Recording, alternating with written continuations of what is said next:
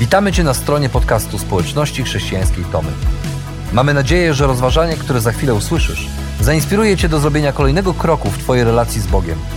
Bo w naszej społeczności zapraszamy wszystkich do relacji z Chrystusem, który zmienia wszystko. Dziękujemy za Twoje zainteresowanie i zapraszamy Cię do polubienia naszego profilu na Facebooku, Instagramie i YouTubie oraz ściągnięcia darmowej aplikacji na smartfona. Dobrego słuchania.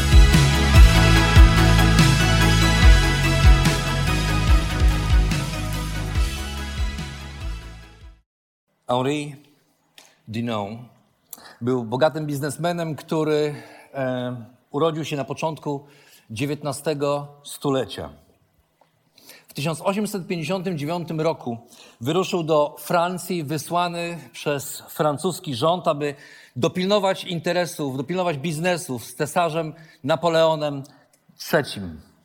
W Paryżu okazało się, że Napoleon III przebywa na polu bitwy w, odległej, w odległych Włoszech, w okolicach miasteczka Solferino we Włoszech i tam walczył oczywiście razem ze swoją armią francuską, e, francusko-włoską przeciwko armii austriackiej. Dina udał się na front, stwierdził, że interesy nie mogą czekać, trzeba spotkać się z cesarzem tam, gdzie jest, więc ruszył na front i kiedy tam dotarł, to, czego doświadczył, całkowicie przemieniło jego życie. Widział tysiące ciał żołnierzy leżących na polu bitwy pod Solferino. Tysiące ciał ludzi, którzy umierali w męczarniach. Tysiące rannych, którym nikt nie pomagał. Ich ciała leżały. Ludzie, którym, których można było jeszcze uratować, ale nikt im nie pomagał, ponieważ nie było takich służb, aby pomagały na polu bitwy. Był tym tak mocno poruszony, że z dnia na dzień zapomniał o interesach i z dnia na dzień ruszył na pomoc potrzebującym. I choć nie miał wykształcenia medycznego, z dnia na dzień stał się człowiekiem pomagającym lekarzom, opatrującym e, rannych. W, w pobliskim kościele w miejscowości Castiglione zorganizował taki prosty, zwykły szpital, w którym opatrywał rannych, dostarczał wody do picia, zapisywał ostatnie życzenia umierających. Namówił do pomocy kilka miejscowych kobiet i one, chociaż nie były do końca do tego przekonane, w końcu zrozumiały, że ranni żołnierze, niezależnie tego, jakiej narodowości, cierpią tak samo, że człowiek postrzelony na polu bitwy cierpi tak samo, niezależnie od swojej narodowości. I to właśnie tam te kobiety zaczęły pomagać żołnierzom z różnych krajów, i to właśnie tam powstało hasło Tutti Fratelli, czyli wszyscy jesteśmy braćmi. Tamten dzień, albo tamte dni pod Solferino całkowicie odmieniły życie człowieka, który nazywał się Henri Dunant. I prawda jest taka, że nikt z nas nie pozostaje obojętny na to, co widzi w internecie czy na to, co widzi w telewizji. Nikt z nas nie pozostaje obojętny na obrazy wojny, które stały się częścią naszego życia, czy nam się to podoba, czy nie. Dla wielu z nas tutaj na tej sali dzisiaj ta wojna ma bardzo osobisty wymiar. Oznacza rozdzielenie od najbliższych, Oznacza porzucenie tego, co było znane, co piękne, co budowane latami. Oznacza tęsknotę za krajem i tęsknota za miejscem, które jeszcze do niedawna można było nazywać domem. A teraz te osoby w przyspieszonym trybie muszą uczyć się nowego życia, nowego języka, decydować z dnia na dzień, gdzie będą mieszkać, co będą robić, jak będą żyć, gdzie spędzą następne dni, tygodnie, miesiące, a może, może lata. Inni z nas, przejęci tym, co się dzieje od, od tygodni, szukają możliwości, aby swoją pomocą służyć tym, którzy cierpią, którzy z powodu wojny stracili wszystko Wiele z nas tutaj na tej sali otworzyło swoje domy, oddało swoje mieszkania, które można było wynająć komuś, a oddaliście je po to, żeby inni mogli w tych mieszkaniach czy w tych pokojach zamieszkać. Rzuciliście się w wir zakupów, żeby, żeby pomóc chociaż w ten sposób, żeby zawieźć do zakościela czy do jakiegokolwiek innego miejsca w Tomaszowie, w Łodzi, w Piotkowie, w każdym z innych miejsc, który, który, który, w których jesteście, mieszkacie. Rzuciliście się na pomoc, aby służyć tym, co macie i kupić te najbardziej potrzebne rzeczy w odruchu serca. Zrobiliście to, co najbardziej właściwe w takiej sytuacji. Podzieliliście się swoimi rzeczami materialnymi, swoimi finansami, aby pomóc tym, tak jak możecie, tym, którzy tego najbardziej potrzebują. A niektórzy z nas, tak jak Henri Dino,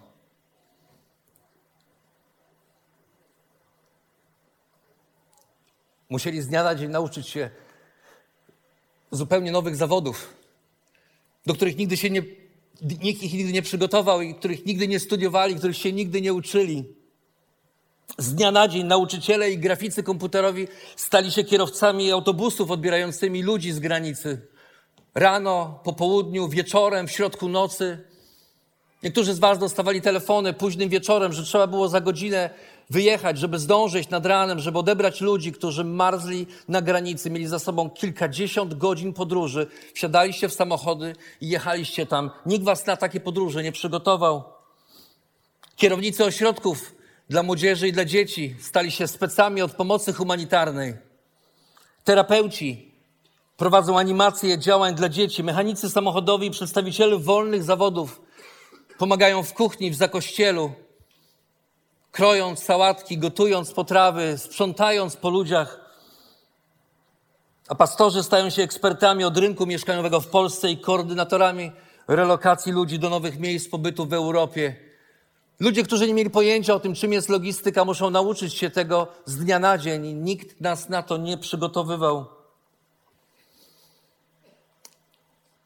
Jednak pomimo tych wysiłków i tego dobra, które w ostatnich tygodniach, pomimo okropności wojny, spłynęło, wierzę, tu w Tomaszowie, w Łodzi, w Zakościelu, w Piotkowie, w tych miejscach, w których akurat nam dane jest posługiwać, ale nie tylko tam, tam wszędzie, gdzie mamy przyjaciół, ludzi oddanych, temu, aby służyć innym w tych wszystkich miejscach, na granicy, w Chrebędnym, i w Krościenku, i, i, i, i w Zosinie, i po drugiej stronie granicy, tam w Lwowie, i w, i w Równym, i w tych wszystkich innych miejscach, w których ciągle są kościoły, są ludzie, którzy są oddani tego, aby służyć innym. Wszędzie tam, wierzę, spłynęło dużo dobra, które może, może nie jest w stanie wynagrodzić tych naj, najbardziej bolesnych, osobistych strat, ale jest przynajmniej jakimś, jakąś wierzę, mocną, silną odpowiedzią na zło, którego wszyscy w jakimś stopniu doświadczamy. Ale myślę sobie też, że po tym pierwszym miesiącu wojny, to straszne, że w ogóle mówimy w ten sposób. Jeszcze miesiąc temu nikt z nas by nie powiedział takich słów, ale dzisiaj musimy tak powiedzieć. Po pierwszym miesiącu wojny, myślę, że wielu z nas dzisiaj tutaj na tej sali możemy mieć też pewne poczucie przytłoczenia ten pierwszy odruch serca, kiedy zdążyliśmy, kiedy kupowaliśmy, co się tylko dało w różnych sklepach dużych i przywoziliśmy całymi samochodami, całymi czasami tirami, czasami samochodami dostawczymi, albo swoimi osobistymi samochodami wypełnionymi po brzegi do zakościela. Ten pierwszy odruch serca, który pozwoli nam otworzyć swoje domy, swoje miejsca dla osób, pozwolił zrobić kolejne akcje, zbiórki. Pierwszy odruch serca, który sprawił, że pierwsze środki finansowe popłynęły w stronę takich miejsc, jak chociażby za Kościele, czy Fundacja Proem, czy Społeczność Chrześcijańska Tomy, przez które pomagamy konkretnym ludziom tu, w to, tutaj w Polsce i po drugiej stronie granicy. Myślę, że każdy z nas ma chyba takie poczucie, Zwłaszcza ci z nas, którzy liczyli, że to będzie kilka dni i to się skończy. Widzimy, że to się nie kończy, że potrzeb jest więcej, że trzeba jeszcze więcej, że rzeczywistość zaczyna powoli przerastać nasze wyobrażenie tego, co możemy zrobić jak możemy zrobić. I próbując towarzyszyć naszym przyjaciołom w ich dramacie i pomagając na różnych nomen omen frontach, zadajemy sobie to proste pytanie: czy to ma sens? Czy moje zaangażowanie coś znaczy? No może nie tyle sens, ale, ale może pytanie brzmi inaczej. Czy to nie za mało? Czy to nie jest za mało? Czy mógłbym, czy mógłbym zrobić więcej? Zrobiłem paczkę, wysłaliśmy tira z pomocą humanitarną. Przyjąłem jedną rodzinę w naszym domu. Przyjechałem do zakościela poskręcać łóżka jednego popołudnia. Załatwiłem komuś wizytę u lekarza. Przywiozłem z granicy trzy osoby. Ale czy to ma jeszcze jakieś znaczenie? W obliczu ogromu potrzeb i okropności wojny. Czy to jeszcze komuś pomaga? Czy jest sens jeszcze się wysilać? I ciągle się wydaje, tak jak, tak jak z kochaniem. Jeden poeta napisał, że ciągle mamy poczucie, że kochamy za mało. Być może też jesteś dzisiaj w dniu, w momencie, w którym patrzysz i myślisz, że wydaje się, że to, co robimy, choć staramy się robić dużo, to ciągle za mało, że ludzi jest ciągle więcej, że ciągle nie wiemy, czy damy radę. Ja sam, kiedy do kościoła przyjeżdżają kolejni ludzie, kolejni, kolejni uciekinierzy przed wojną, których nazywamy uchodźcami, kolejni przyjaciele z Ukrainy, tak powinniśmy o nich mówić. Kiedy w gronie liderów siadamy i rozmawiamy o kolejnych możliwościach pomocy, czy miejscach, do których możemy, gdzie moglibyśmy jeszcze położyć ludzi co jeszcze moglibyśmy zrobić ze środkami, które dostaliśmy, jak jeszcze bardziej efektywnie moglibyśmy zaangażować się w pomoc. Mam przed oczami ostatnią scenę z listy Schindlera. Jeżeli nie oglądaliście, to wybaczcie, spoiler. Ale to jest ten moment, kiedy Schindler stoi na, wobec Oskar Schindler, ten, który uratował tysiące Żydów w Krakowie poprzez zatrudnienie ich do swojej fabryki. I on stoi i patrzy, i patrzy i widzi tych ludzi i mówi, mówi, jak gdybym tak jeszcze ten zegarek sprzedał, to jeszcze jeden. A potem mówi, a może, a może, ta, a może, może ta spinka, ta spinka, to byłoby jeszcze jedno życie. I zawsze jest to poczucie, że jest jeszcze jedno życie, że jest jeszcze jeden człowiek, któremu można pomóc, dla którego można coś zrobić.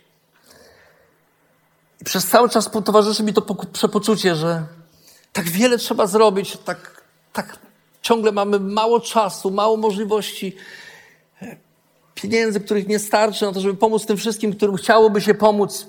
A do tego dochodzi jeszcze nasze codzienne życie. Przecież my tutaj też w Polsce żyjemy, mamy pracę, którą musi, musimy pracować, mamy dzieci, które musimy wychowywać, mamy rodziny, którym chcemy poświęcać czas, żeby i one wiedziały, że jesteśmy dla nich, że, że tak, wojna, tak, pomagamy innym, ale też kochamy naszych bliskich i chcemy dla nich tego, co najlepsze.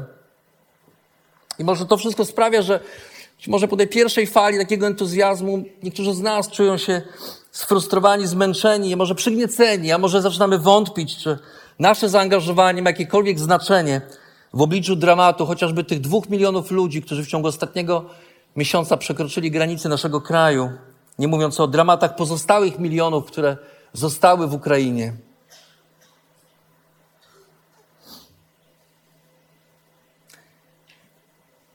Tamtego dnia, dwa tysiące lat temu, w Galilei, nad jeziorem galilejskim, uczniowie Jezusa mieli podobne odczucia. Czuli się bezradni wobec całej rzeszy ludzi, która potrzebowała pomocy, bo właśnie minął kolejny dzień. Ten jeden z takich kolejnych dni Jezusa. Tylko bardziej. Wiecie, Jezus, kiedy chodził po tej ziemi i każdy, kto do Niego przychodził, uzdrawiał, leczył, był zawsze z ludźmi, był zawsze dla nich, oddawał im wszystko to, kim był i co miał i co miał najlepszego. Leczył, spędzał czas, przebaczał grzechy. I przyszedł ten dzień, tragiczny dzień dla niego, kiedy jego kuzyn Jan Chrzciciel został brutalnie zamordowany przez króla Heroda. Jezus chciał spędzić trochę czasu sam. Usunął się na osobność, bo chciał pewnie opłakać śmierć swojego nie tylko kuzyna, ale też tego, który szedł przed nim, swojego Eliasza, tego, który zapowiadał jego przyjście i który kazał równać ziemię i mówić, że oto nadchodzi ten, który jest za mną, jest większy ode mnie. Jezus chciał odpocząć, ale kiedy tylko dotarł do miejsca, w którym miał odpocząć, tam już byli ludzie. Więc Jezus, patrząc na tłum, czytamy, że Jezus ulitował się, ale nie tym, tą litością, taką, taką tanią litością, która każe zapomnieć o człowieku, jak tylko otrzemy pierwszą łzę, ale współczuciem, które boli w sercu, boli w trzewiach, boli w żołądku i sprawia, że nie można wytrzymać, tylko trzeba coś z tym zrobić. Jezus uzdrawia. Czytamy cały dzień, leczył ludzi, których do Niego znoszono. I czytamy w Ewangelii Mateusza, że dzień zbliżał się ku końcowi, późnym popołudniem. Uczniowie Jezusa podeszli do Niego z taką radą. Już mieli swój pomysł i mówią do niego, miejsce to odludne, robi się późno, rozpuść te tłumy, niech ludzie idą do wiosek i kupią coś do zjedzenia. Nie muszą odchodzić, odpowiedział Jezus. Wydajcie im jeść. A oni na to nie mamy nic. Oprócz pięciu chlebów i dwóch ryb. I trudno dziwić się uczniom, że w obliczu zasobów, którymi dysponowali, zaczęli się po prostu denerwować. Ludzi dużo, jedzenia mało, Kaufland i Lidl pozamykane, późno, miejsce odludne, ludzie głodni, a człowiek głodny to zły. I ludzi tyle, a wykarmić ich nie ma czym. No może tak do końca nie, nie, że nie ma czym, bo jest czym, tylko jest tego strasznie mało. Dwa, dwie ryby, pięć chlebów i kilka tysięcy ludzi wokół. No to trochę mało. Myślę, że tak samo my czuliśmy się tego dnia, kiedy wybuchła wojna, kiedy przyjechaliśmy do Zakościela, do Tomaszowa, kiedy spotkaliśmy się pierwszy raz z ludźmi, którzy przyjechali do nas i spojrzeliśmy na ludzi i pomyśleliśmy sobie, Panie, ludzi wiele, będzie jeszcze więcej, ale wszystkiego mało, wszystkiego za mało. Samochodów za mało, jedzenia za mało, miejsca za mało, ludzi za mało.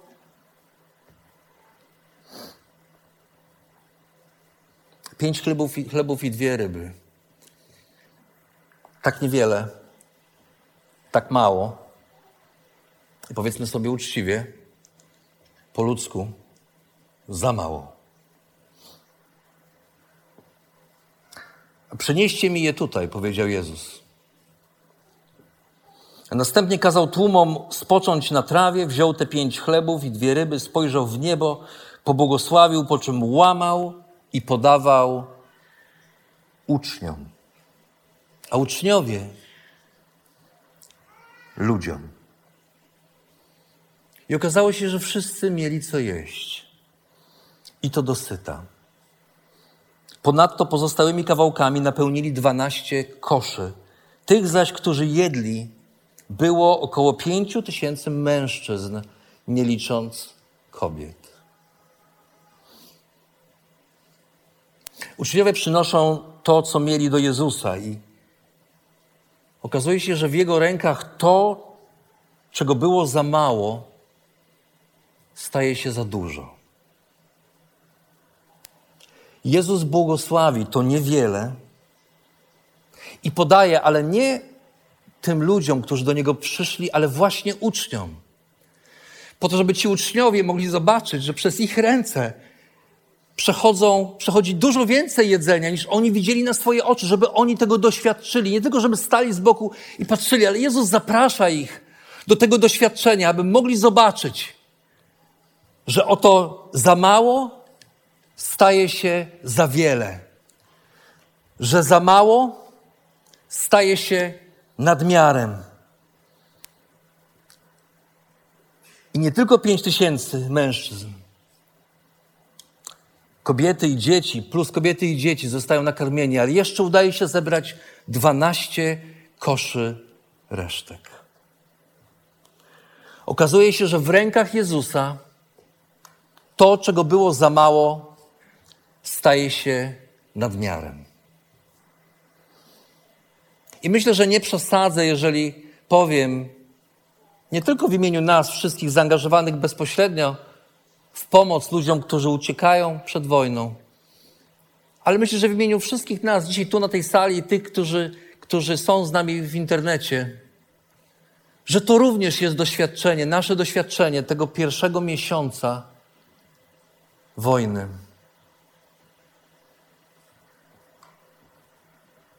Pan Bóg nie przestaje nas zadziwiać w tym dramatycznym dla nas wszystkim czasie i pokazuje nam, jak za mało może stać się za dużo w dobrym tego słowa znaczeniu. Dla tych z nas, którzy musieli uciekać przed wojną, dla tych z nas, którzy z niewielkim dobytkiem musieli szybko wsiąść do samochodu czy wsiąść do pociągu i uciekać. I dla tych z nas, którzy w obliczu cierpienia innych oddali niewielką cząstkę siebie w ręce Jezusa, aby ten to pomnożył. Wierzę, że jedni i drudzy dzisiaj, tutaj, w tym miejscu, możemy śmiało powiedzieć, że każdy z nas doświadczył tego pomnożenia. Ci, którzy uciekali, kiedy przybyli tutaj, wierzę, że chociaż to, co dostali, nie rekompensuje nic, w żadnym stopniu to, co czego stracili. Ale chcę wierzyć, rozmawiając z wieloma z Was, że przynajmniej to błogosławieństwo, którego mogliście doświadczyć, jest błogosławieństwem ponad miarę. I dobrze, tak powinno być. I ci z nas, którzy stanęli po tej drugiej stronie i stali się narzędziem Bożego działania, mając niewiele, doświadczyli pomnożenia i zobaczyli, jak niewiele staje się za dużo. I żeby nie być gołosłownym w tym, co mówię, chciałem zaprosić do mnie na scenę kilka kobiet z miejsc naszego zaangażowania. Za kościela Tomaszowa, Łodzi i Piotrkowa. Zapraszam Was dziewczyny, Agnieszka, Olena, Marysia, Monika i Ania. I myślę, że ja już powiedziałem chyba wszystko, co chciałem powiedzieć. A teraz chciałbym, abyście posłuchali tych kobiet, które one trochę więcej opowiedzą o tym, w jaki sposób w każdym z tych miejsc za mało stało się nadmiarem.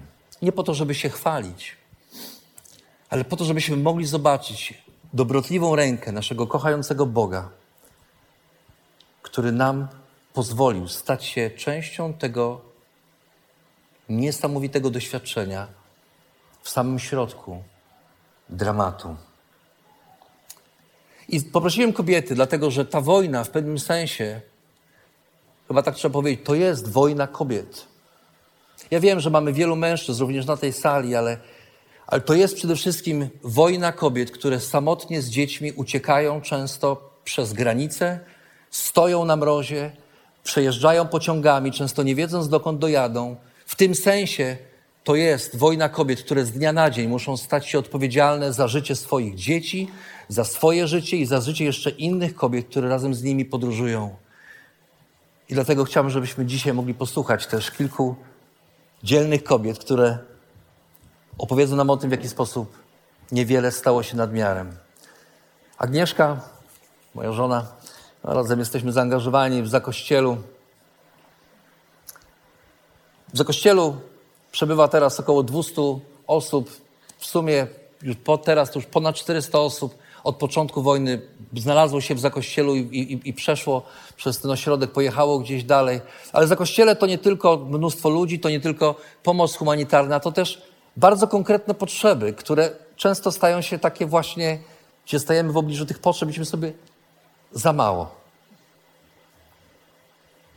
Właściwie od pierwszego y, dnia, kiedy ludzie zaczęli przybywać do zakościela, to w tym samym momencie zaczęły napływać rzeczy do zakościela, tak? Czyli nasz namiot, który zapełnił się błyskawicznie y, ubraniami i wszystkimi rzeczami potrzebnymi dzieciom, wózkami, nie wiem, fotelikami y, do karmienia i różnymi innymi potrzebnymi rzeczami.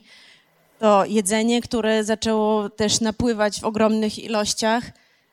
No ale nie możemy zapominać, że za kościelu są ludzie, i ci ludzie przyjechali z y, dużą ilością dzieci. E, I to chyba było y, dla mnie osobiście chyba takim największym y, wyzwaniem na początek, jak teraz sprawić, żeby te dzieci mogły się uśmiechnąć w tym zakościelu. I powiem wam, że no niesamowite jest też to, że współdziała z nami pogoda, bo słońce, które jest od pierwszego dnia, przepraszam, ja po prostu tak będę, nie będę się już tłumaczyć to słońce, które jest od pierwszego dnia i dzieci mogą wyjść na dwór, jest naprawdę ogromną pomocą dla nas. To, że mogą się bawić na dworzu, to, że mogą pójść na koniki, to, że mogą iść pograć w piłkę. To, jak wielu ludzi udało się zaangażować spoza również naszej wspólnoty, którzy byli gotowi i chętni i są i dopytują się. Dziękuję bardzo i dopytują się o to, kiedy mogą przyjechać, na, zrobić jakieś zajęcia dla dzieci, kiedy mogą z nimi spędzić czas. I powiem Wam, że te zajęcia, które mm, udało nam się zrobić do tej pory, były niesamowitą okazją też do tego, żeby usiąść, porozmawiać, żeby zamienić kilka słów z mamami, które są y, z dziećmi razem. I nie potrzeba y, tak naprawdę do tego znajomości języka, o tym się też przekonałam, że moim łamanym polsko-ukraińsko-rosyjskim, jeszcze nie wiem jakim, y, da się, da się rozmawiać i da się naprawdę spędzić dobrze czas z ludźmi. Nie wiem, jak to się stało, że mając troje dzieci, do tej pory nie byłam takim specjalistą, jeśli chodzi o wszelkie schorzenia, lekarstwa. Po prostu generalnie czuję się trochę jak pielęgniarka i, i to jest niesamowite, że mamy ludzi wokół, którzy byli gotowi przyjeżdżać, pomagać y, zupełnie bezinteresownie, poświęcali swój czas, badając ludzi, wypisując recepty, y, nie wiem, przywożąc sami lekarstwa. No właśnie, bo ta rzeczywistość to nie tylko praca z dziećmi, czy zabawa, czy, czy zapewnienie jedzenia, ale to są bardzo też często prozaiczne rzeczy. Trzeba komuś, ktoś przyjeżdża i ma leczenie onkologiczne, które miał zacząć, nie zdążył, potrzebuje lekarza, jest gotowy, ma, trzeba przetłumaczyć dokumenty. Dzisiaj, żeby przetłumaczyć dokumenty z ukraińskiego na polski, potrzeba 30 dni, żeby w ogóle zacząć proces tłumaczenia. 30 dni się czeka, trzeba zapłacić pieniądze i ludzie czasem nie mogą czekać. Trzeba po prostu coś zrobić. I ja może nawet z tego miejsca powiem, że ktoś z Was zna tłumacza z języka ukraińskiego na polski, ktoś chciałby nam pomóc i oglądacie nas może teraz, jesteście w internecie, to bardzo Was prosimy o kontakt z nami, bo po prostu potrzebujemy przynajmniej dwie dokumentacje medyczne przetłumaczyć na, na wczoraj. Także to są tego typu problemy i, i, i dylematy. Dokładnie. E, Też taką jasną stroną tego wszystkiego właśnie jest ten uśmiech, e, bo wiecie, dzieci są dziećmi wszędzie i one naprawdę potrzebują właśnie i pójść do kina, i pójść na kulki i nie ma w tym nic złego, że, że one chcą tego I, i jeżeli udało się coś takiego zrobić, to dla nas była to ogromna radość też patrzeć na to, na to ich szczęście, zadowolenie, bo wiecie, jak dzieci są uśmiechnięte, to i mamy zaraz się uśmiechają. I to też y, no, chyba pokazało nam y, trochę taką drogę też, że te animacje dla dzieci są naprawdę kluczowe i bardzo ważne w ciągu całego dnia, bo wtedy mamy też okazję porozmawiać z mamami, ale też one mają okazję odpocząć trochę, po prostu odpocząć, bo one są z nimi 24 na dobę. Jeżeli możecie sobie to wyobrazić, y, siebie w obcym kraju, gdzie nie rozumiecie języka, no to tak to właśnie wygląda. Mimo, że są życzliwi ludzie, y, chętni do pomocy, uśmiechnięci, to ciągle jest to obcy kraj. I ciągle to są nie moje warunki, nie moje rzeczy, nie moje mieszkanie. Lena, ty jesteś osobą, która no, w sposób taki, bym powiedział, no wręcz jak myślę o tym, rozmawialiśmy o tym, w taki cudowny sposób razem z, z Mateuszem, ze waszymi córeczkami znaleźliście się w Zakościelu kilka miesięcy temu. E, to jest dla ciebie bardzo osobista też historia, ponieważ jesteś z pochodzenia Ukrainką, jesteś twoja rodzina, przyjechała też do nas. Powiedz parę słów o tym, w jaki sposób twoje, twoje poczucie tego, że za mało, e, że mogło być, może być więcej, jak to się w tobie gdzieś e, układa? Jak ty sobie z tym radzisz? Dla mnie, ja ciągle, mi się ciągle wydaje, że mo- mogę dać za mało, że mam za mało i nie mogę za wiele dać, bo jestem na etapie wychowania dzieci i miałam wrażenie, że cały mój czas jest poświęcony dzieciom małym, które mają potrzeby cały czas, każdej swoją. E, Ale teraz w jakiś cudowny sposób Bóg po prostu mi pokazuje, że okej, dzieci e, dalej się troszczę, ale też mogę znaleźć czas na to, żeby komuś e, pomóc. E, Tym bardziej, że w sposób naturalny też jestem w tych miejscach, gdzie są inne mamy, czy to w, e, w pokoju, gdzie dzieci się bawią, czy, czy na dworze i po prostu tam jestem i, i mogę pomóc i dlatego, że jestem Ukrainką, to też rozumiem ludzi i a z drugiej strony, dlatego, że jestem w Polsce od kilku lat, to mogę coś wytłumaczyć, bo chociaż na ogół się wydaje, że to są, jest taka podobna kultura, mentalność, to i tak jest wiele rzeczy, które się różnią, jakieś y, to są drobne rzeczy, czy, czy jakieś większe, ale mogę komuś pomóc, wytłumaczyć, czy po prostu kogoś y, wesprzeć. Kiedy Lena z Mateuszem przeprowadzali się do Zakościela w listopadzie, no już oczywiście nie mieliśmy pojęcia, w jaki sposób Pan Bóg będzie mógł użyć ich, ale to w życiu ich rodziny. Wasza rodzina, e, twoja siostra to byli jedni z pierwszych osób, które dotarły do nas całe i zdrowe, bezpiecznie, chociaż tam różne były perturbacje po drodze, ale dotarli. Potem mogli też pojechać dalej, szukając trochę też dalej życia gdzieś w innym kraju, ale e, to też pokazuje to, jak Pan Bóg przygotowywał i was, czy właściwie nas poprzez waszą przeprowadzkę. Misza, Agata też gdzieś tu pewnie jesteście, wyprowadzka z Łodzi, nie do końca może to było zrozumiałe wtedy, a potem okazało się, że Pan Bóg w jakiś sposób to wszystko przygotował, przygotował was, żebyśmy mogli tutaj razem lepiej służyć osobom, które po prostu tego dzisiaj potrzebują. Także fajnie, że jesteście, dobrze, że jesteś w Zakościelu. E, W Zakościele Tomaszów e, to jedno miejsce. Drugim miejscem jest Łódź. I w Łodzi nasza społeczność, w Łodzi to e, 70-80 osób, powiedzmy. Miasto duże. Marysia, powiedz, jak to, Marysia jest e, i Krakowska e, razem z Szymonem e, współprowadzą tą społeczność tam w Łodzi. Powiedz, jak to dla was było to uczucie? To wielkie miasto, taka stosunkowo niewielka społeczność, jak na milionowe miasto. Tak, e, wielkie miasto i wiele potrzeb, e, ale właśnie pojedynczy ludzie e, z naszej społeczności razem jako wspólnota zaczęliśmy działać, po prostu pomagając konkretnym konkretnym ludziom e, w konkretnych potrzebach i to, czy to materialnie pomagaliśmy, czy po prostu pomoc e, taka konkretna, to co, to, co było potrzebne, to, to staraliśmy się e, realizować te, te potrzeby. I też y, Pan Bóg y, niesamowicie się zatroszczył też poprzez e, osoby spoza naszej wspólnoty, bo e, poprzez relacje, e, jakie ludzie z Kościoła mają z ludźmi spoza, spoza Kościoła, udało się znaleźć mieszkanie dla trzech osób i, i też mogliśmy je przygotować razem i mamy wspaniałych gości z Zakościela u nas w Łodzi i też e, jednego dnia po prostu pojawiło się mieszkanie w naszej bazie, mieszkanie w Łodzi. I tego samego dnia e, panowie z męskiej sprawy pojechali do tego mieszkania. E, Ono wymagało odświeżenia, odmalowania i, i w ten sam dzień ono już było gotowe. Panowie je przygotowali.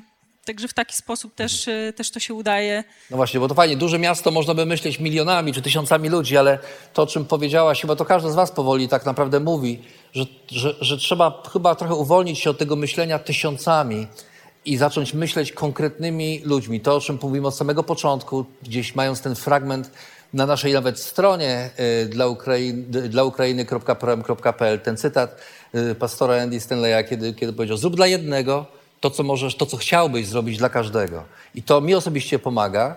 I wierzę, że z tego, co mówisz, to tak samo chyba wam, każdym, każdemu z nas pomaga.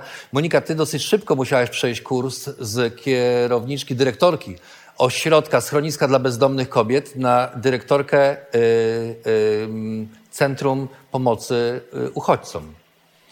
E, Bardzo szybko, 26 lutego e, o godzinie 9.20 dostałam informację, że w ośrodku, którym e, dowodzę, W Łodzi, tak? To jest w Łodzi. W Łodzi, tak, którym jest generalnie schroniskie, schroniskiem dla bezdomnych kobiet i matek z dziećmi. Mamy po prostu te osoby przekwaterować do innej placówki, zabezpieczyć je oczywiście, dlatego że tego samego dnia przyjeżdża do nas 50 e, matek z dziećmi, w tym trzy w ciąży. E, No i zrobiła się sytuacja, w której my jako placówka w ogóle nie przygotowani, ponieważ to zupełnie inaczej działa. E, Od personelu począwszy, a skończywszy na wyposażeniu pokoi, łazienek, gdzie absolutnie e, nie było takiej mowy, żeby były takie malutkie dzieci w ogóle, tak? E, Personel, który od wielu, wielu lat pracuje tylko stricte z osobami bezdomnymi, a tutaj malutkie dzieci, tak? E, No, udało się to ogarnąć, ale największym problemem, który był, to e, było wyżywienie, mleko, łóżeczka, ubranka. Ja nawet nie wiedziałam, bo ja już jestem dawno po tym etapie 62, 58, 74, tam jakieś body, nie body, tak? No i się okazało, że nasza wspólnota w Łodzi e, nawet nie stanęła na wysokości zadania, tylko po prostu to, co się zadziało, to w sobotę o godzinie 21 E, My mieliśmy przygotowane po prostu wszystko. Od e, jedzenia przez mleko, mleko modyfikowane, słoiczki, łyżeczki, foteliki, wanienki, stojaczki. No wszystko, po prostu wszystko. E, I 28 lutego pierwsze osoby pojawiły się u nas. U nas jest bardzo duża rotacja, dlatego że jesteśmy ośrodkiem, do którego przyjeżdżają kobiety z dziećmi. Część zostaje i w tej chwili takich osób mamy 40 na stałe już. Natomiast reszta osób, to jest 112 osób, przewinęło się przez nasz ośrodek w taki sposób, że są 2-3 dni. E, I dzięki naszej wspólnocie, osób z naszej wspólnoty tutaj w Łodzi, ale też z Zakościela oczywiście, e, my każdą osobę ubieramy od góry do dołu w nowe rzeczy. Mamy środki chemiczne, mamy środki spożywcze. Nie musi, ja się w ogóle o nic nie martwię w takim znaczeniu, ale mówiąc o pomnażaniu, chcę powiedzieć, że kiedy trafiła do nas rodzina z pięciomiesięcznym dzieckiem, które tutaj u nas jest w tej chwili, kiedy przyjechali z, z małej miejscowości e, pod Zaporożem, okazało się, że dziewczynka Emilka jest uczulona na wszystko, co się generalnie da. E, My mieliśmy e, jedną taką puszkę mleka specjalistycznego. Ja tak stanęłam i mówię sobie, co ja mam z tą puszką zrobić? No dać tej kobicie to obciach, nie dać, no to no mam, muszę dać. E, I minęło dosłownie, nie wiem, z pół godziny, przepraszam.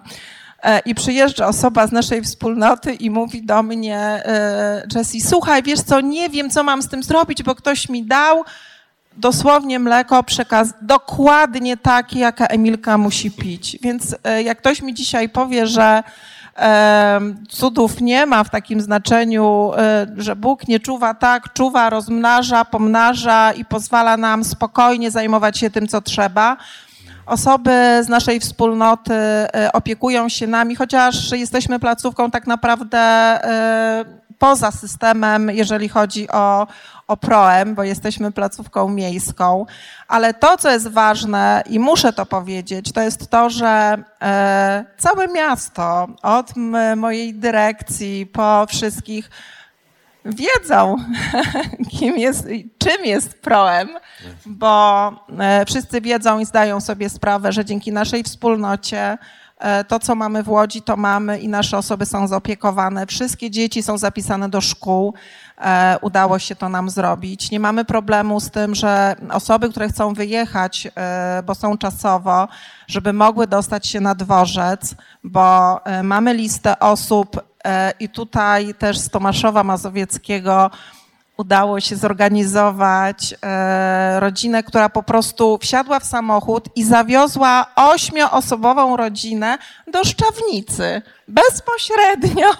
I nie było. Fajnie, że to mówisz właśnie, no, do, dobrze mówisz o kolejnej rodzinie. Wiem, że można byłoby dużo jeszcze Nie, opowiedzieć. tylko tak, Nie, tylko nie, powiem, dobrze. że dzięki po prostu temu, tak, e, rzeczywiście możemy skupić się na pomocy, na tym, że nie mając nic, mamy wszystko do takiego stopnia, że możemy dzielić się też z innymi rodzinami i, e, i za to po prostu dziękuję. Dzięki Bogu. Dzięki Bogu, że tak jest. I wspomniałaś konkretnych ludzi i a propos tutaj tych przejazdów, to chyba jest też, tak przechodzę już płynnie do ostatniego naszego gościa, do Ani, bo mm, Ania jest częścią naszej nowo powstającej wspólnoty w Piotrkowie.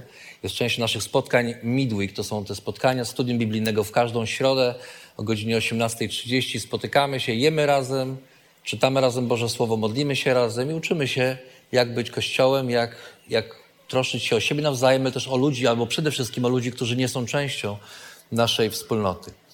I e, tak się składa, że tamto miejsce, tam w tamtym miejscu mogliśmy przez ostatnich, też nawet wczoraj miał miejsce przystanek mama. Miał być zupełnie inne wydarzenie, ale zrobiliśmy przystanek mama, takie spotkanie dla mam z małymi dziećmi, gdzie też niektóre panie z zakościela mogły pojechać, żeby trochę też zmienić otoczenie, zmienić miejsce, po prostu pobyć z innymi mamami y, właśnie y, w, w Piotrkowie i y, na tym właśnie przystanku mama. Ale w ostatnią środę Ania opowiedziała nam tę historię i zaczęliśmy modlić się o bardzo konkretną osobę. Aniu, gdybyś mogła dwa słowa powiedzieć, tam jest bardzo dużo w tej historii, ale Ania jest nauczycielką języka angielskiego, uczysz na takich platformach społecznościowych, tak? Przez online, powiedzmy online. Uczysz online i w ten sposób masz kontakt z innymi nauczycielami czy z innymi osobami też.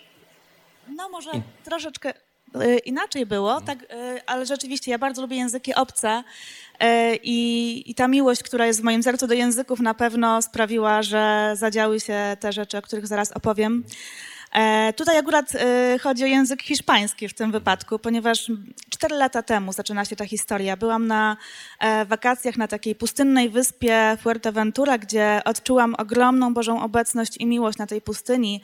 Analizowałam to głęboko, czytałam książkę Adama Szumorka i poczułam, że Bóg mnie do czegoś tam powołuje bardzo konkretnie i jednocześnie nie wiedziałam do czego, ale wróciłam z ogromną tęsknotą za tym miejscem i w mojej głowie powstała taka myśl, no dobrze, ale ja nie znam języka hiszpańskiego, znam włoski, znam angielski, ale e, ja tam na pewno jakby nie ma, nie ma kontekstu, po co ja mam tam być, e, o co chodzi w tej historii? I e, w sumie mogę powiedzieć, że dopiero teraz się dowiedziałam, o co w niej chodziło.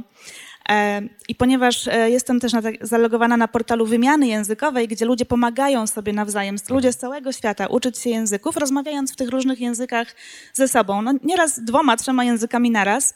E, Określamy tam swoją znajomość języka i który język jest ojczystym i w ten sposób jakby przyciągamy osoby, które, z którymi możemy się wymieniać. I po powrocie z tych wakacji odważyłam się tak nieśmiało dodać hiszpański z jedną kreseczką tylko znajomości, bo czułam, że no po prostu nic nie umiem. E, I odezwała się do mnie e, kobieta z Ukrainy, Jana. E, Nie wiem dlaczego akurat ona, nie mam pojęcia. I Jana napisała mi, że uczy się polskiego, ponieważ wie, że ma polskie korzenie w Krakowie, ale nie zna tej rodziny. Nigdy nie była w Polsce i bardzo chciałaby, żeby pomóc jej e, z nauką tego języka, a ona bardzo chętnie będzie mnie uczyła hiszpańskiego, ponieważ już uczy online tego było, języka. I to było 4 lata temu. To było 4 lata temu. Przewijamy 4 lata, bo tam było pewnie duże, wiem. Słuchajcie, znacie Anię, jak nie znacie Ani, znacie, kiwacie głowami. Jak ci z dużych którzy znają Anię, to wiecie, tam jest tyle szczegółów i tyle pięknych rzeczy, że musicie po prostu ją złapać na korytarzu i powiedzieć, Ania, powiedz mi więcej, bo tam jest mnóstwo pięknych rzeczy, ale ze względu na czas musimy przewinąć o 4 lata i jesteśmy, wybucha wojna, Ania jest w kontakcie. Tak, y, bo uczyłyśmy się najpierw przez Skype, później troszkę przerwałyśmy tę naukę, ponieważ Jana miała trudną sytuację w domu. Jej ojciec zachorował, nie mógł chodzić. y, Przyprowadziła się też do nich starsza ciocia, która jest tutaj z nami dzisiaj.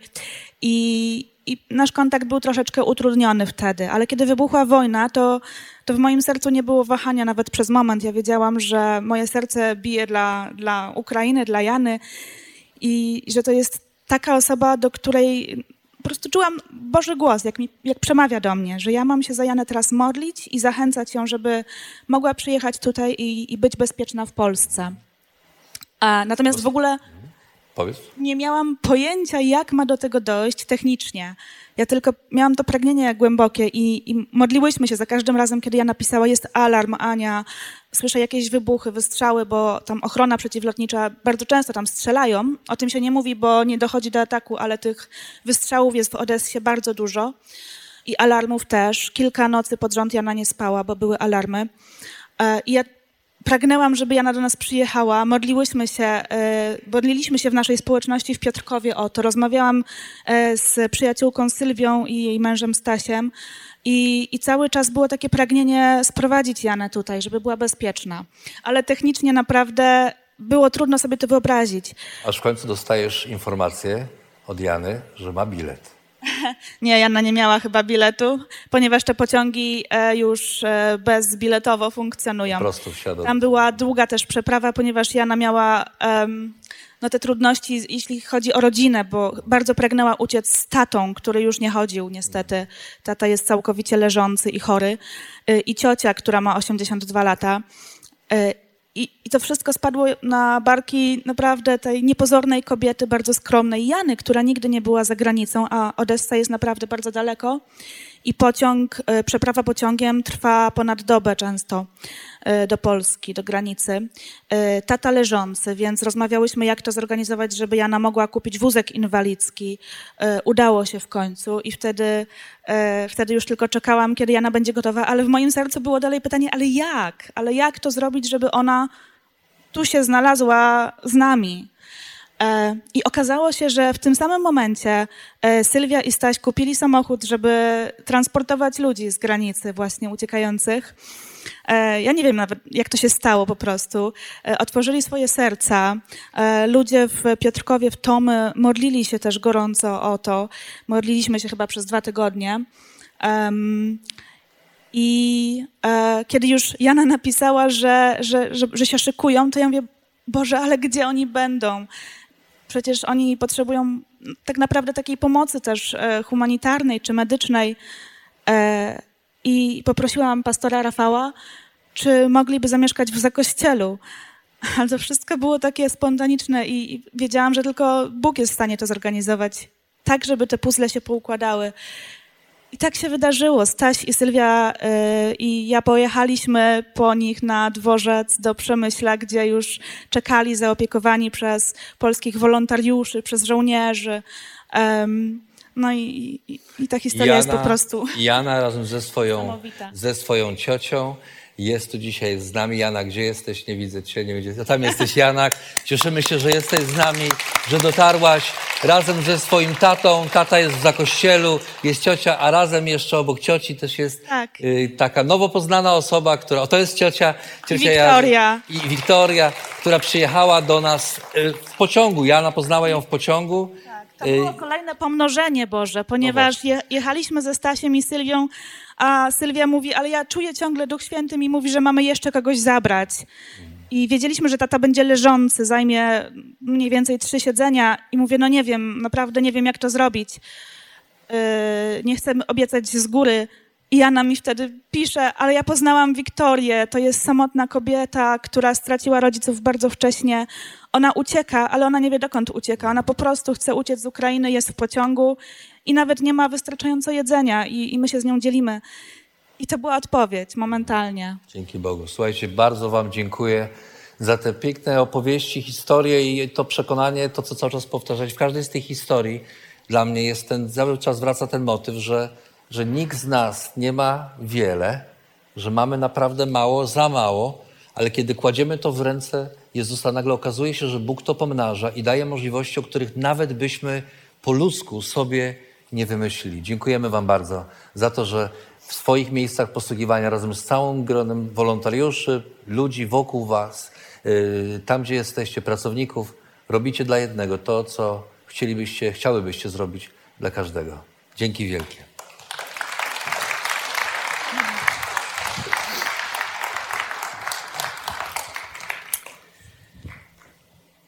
Po powrocie ze Szwajcarii, wspomniany już przeze mnie na początku, Henry Henri Dunant nie mógł uwolnić się od obrazów wojny, które widział we Włoszech. Porzucił pracę w banku i przez dwa lata nie mógł znaleźć sobie miejsca w życiu. Napisał książkę Wspomnienie Solferino, w której opisał horror wojny która stała się wezwaniem dla Europejczyków na rzecz pokoju i miłosierdzia w obliczu wojny.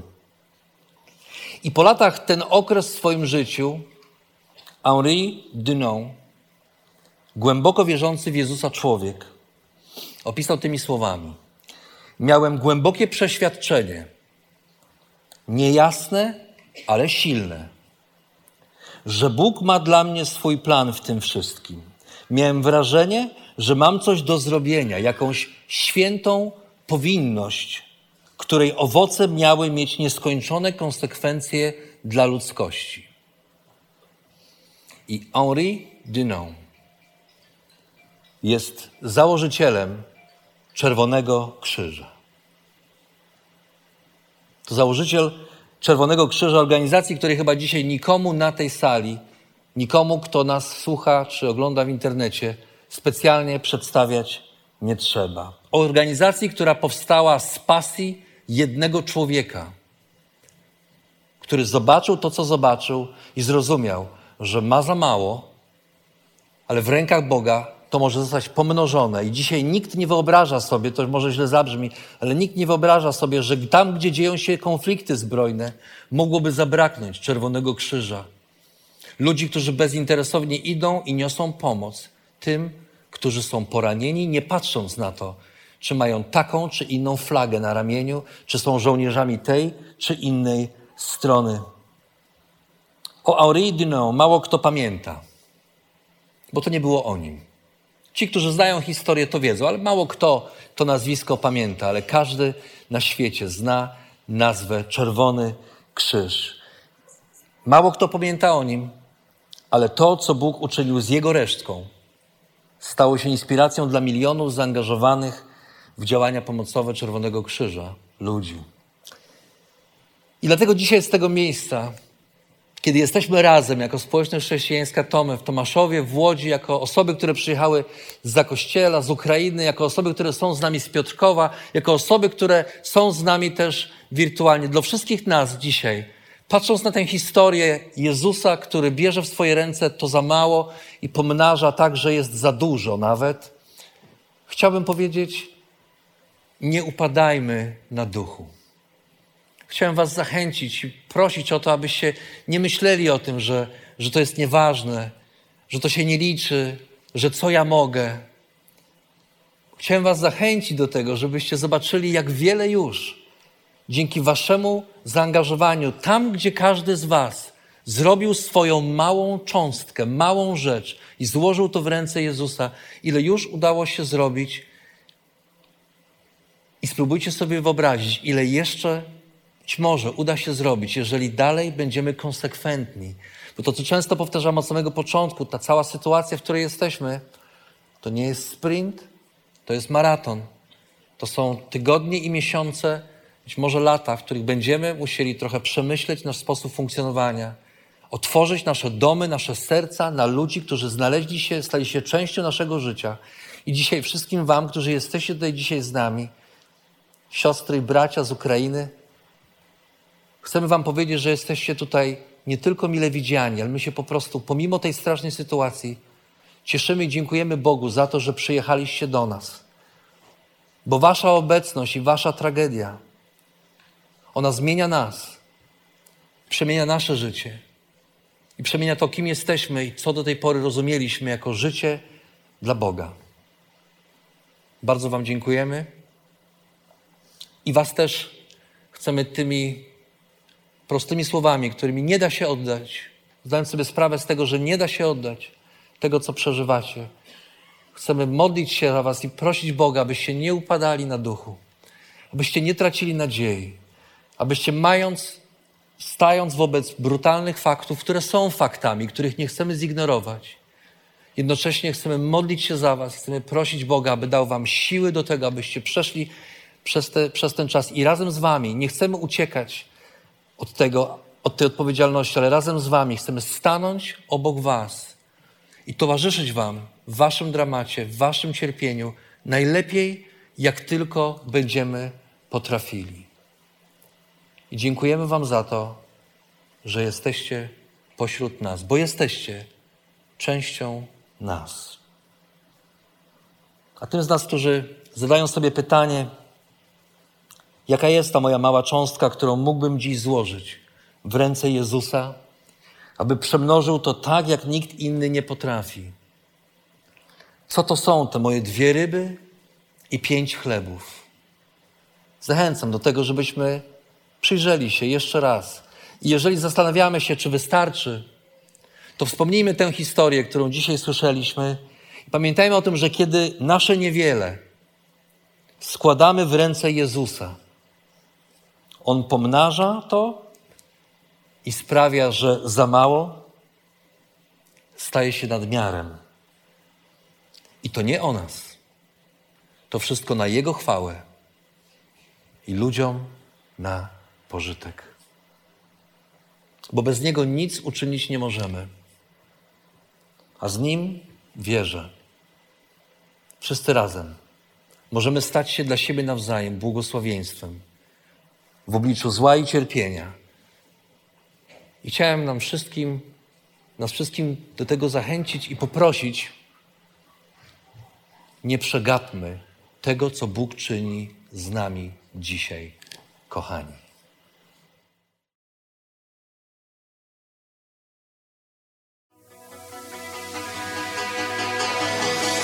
Jeszcze raz dziękujemy za wysłuchanie naszego rozważania. Jeżeli mieszkasz w okolicach Tomaszowa Mazowieckiego lub Łodzi, zapraszamy Cię do odwiedzenia nas na niedzielnym nabożeństwie. Więcej informacji znajdziesz na stronie schatomy.pl.